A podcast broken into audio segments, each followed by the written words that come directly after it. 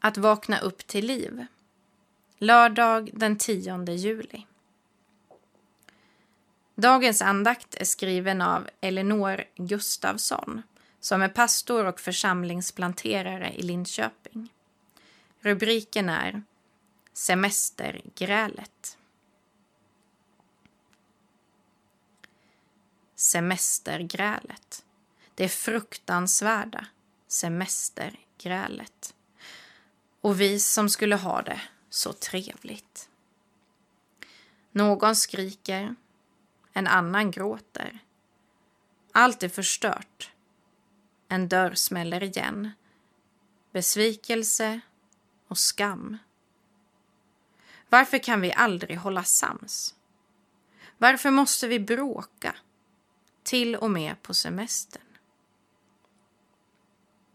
När grälet lagt sig brukar jag söka tröst i berättelsen från Lukas 2, 41-51.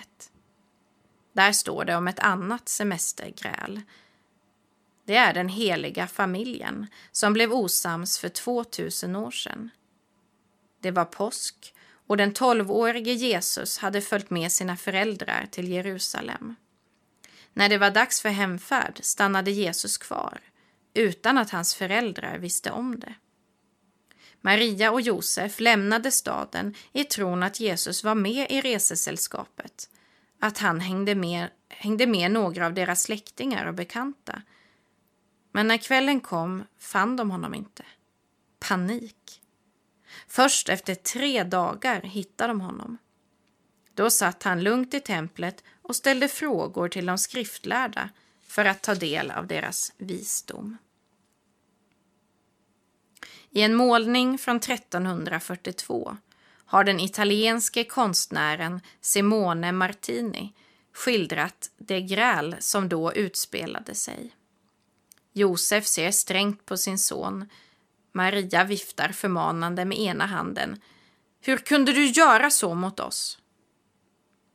Jesus står med armarna i kors och ser sur ut. Han är bara tolv år och ser ut som en typisk tonåring. Men förstår ni inte att jag måste vara hos min fader? svarade Jesus. Nej, det kunde de inte förstå. Och ännu mindre att han gjort detta på eget bevåg utan att berätta för dem om sitt beslut. Nu blev ju hela semestern förstörd. Målningen är full av dålig stämning trots att, det hela, trots att hela bakgrunden är i guld. För Martini är familjen fortfarande helig, trots sitt gräl. Jesus är fortfarande Guds son, trots att han står med armarna i kors. Maria och Josef förstod inte sin son, på samma sätt som många föräldrar inte förstår sina barn. Att gå från att vara barn till vuxen innebär att bryta sig loss och hitta sin egen identitet. Och den resan kostar många gräl. Gud som en sur tonåring med oförstående föräldrar, är det möjligt? Ja, svarade kyrkan på 300-talet efter att ha studerat Bibeln noggrant. Jesus hade inte bara en mänsklig kropp utan också ett mänskligt psyke. Inkarnationen innebär att Gud blev människa fullt ut, inte bara kroppsligt.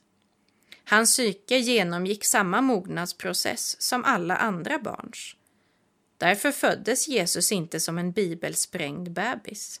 Han behövde tillägna sig kunskap på samma sätt som alla andra genom att läsa och lyssna, reflektera och analysera.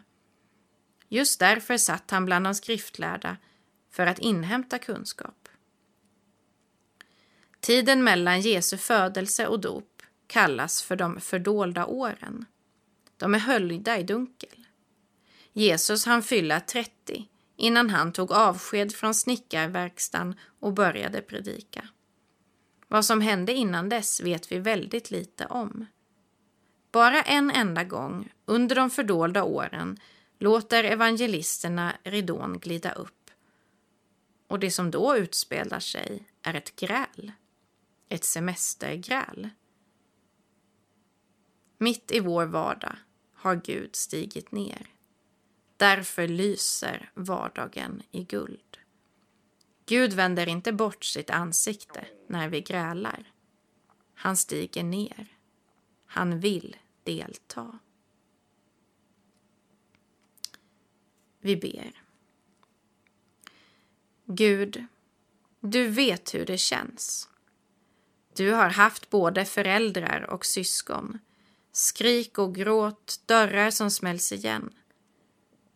Hjälp mig att tro att du har stigit ner i min vardag. Att du vill höra mig berätta om vem som borde ha tömt diskmaskinen, om skärmtid och städning. Och allt det där som ligger mellan raderna. Hjälp mig att gå undan, räkna till tio, men också att säga ifrån. Eller förlåt, när det så behövs. Och mitt i allt detta, hjälp mig att se att vardagen lyser i guld. Att din närvaro genomtränger allt, också ett semestergräl. Amen.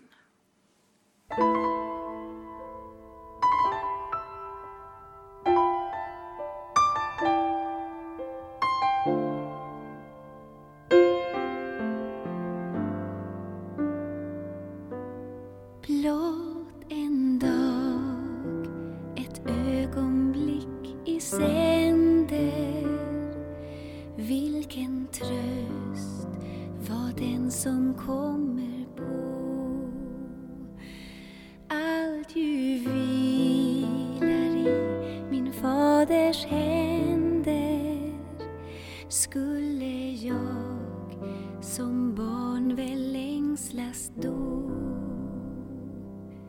Han som bär för mig en moders hjärta. Han ju ger åt varje nyfödd dag dess beskärda del av fröjd och smärta. Möda vid behag. Själv han är mig alla dagar nära, för var särskild tid med särskild nåd Varje dags bekymmer vill han bära. Han som heter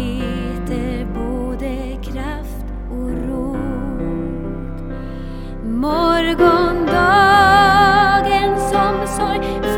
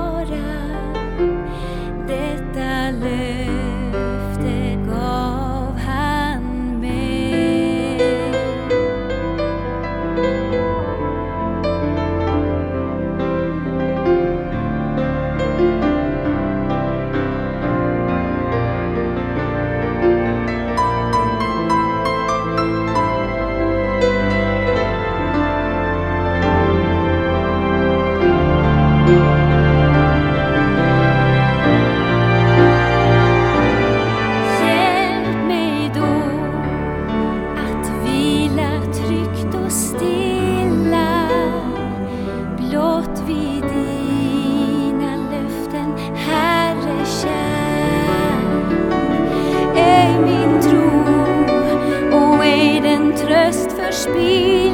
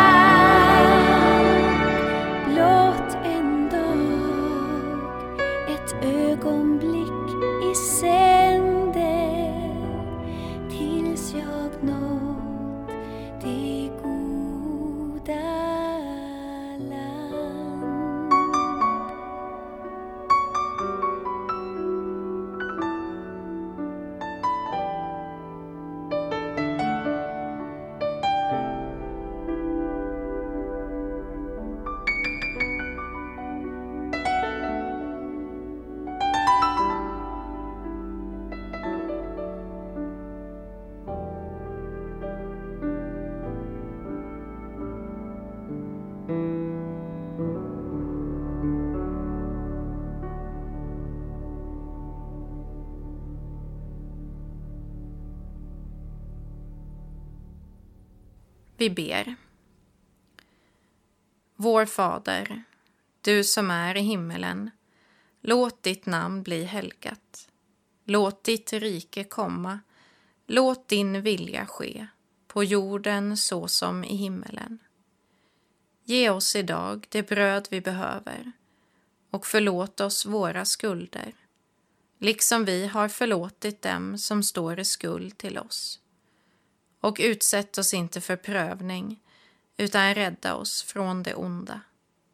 Ditt är riket, din är makten och äran i evighet. Amen.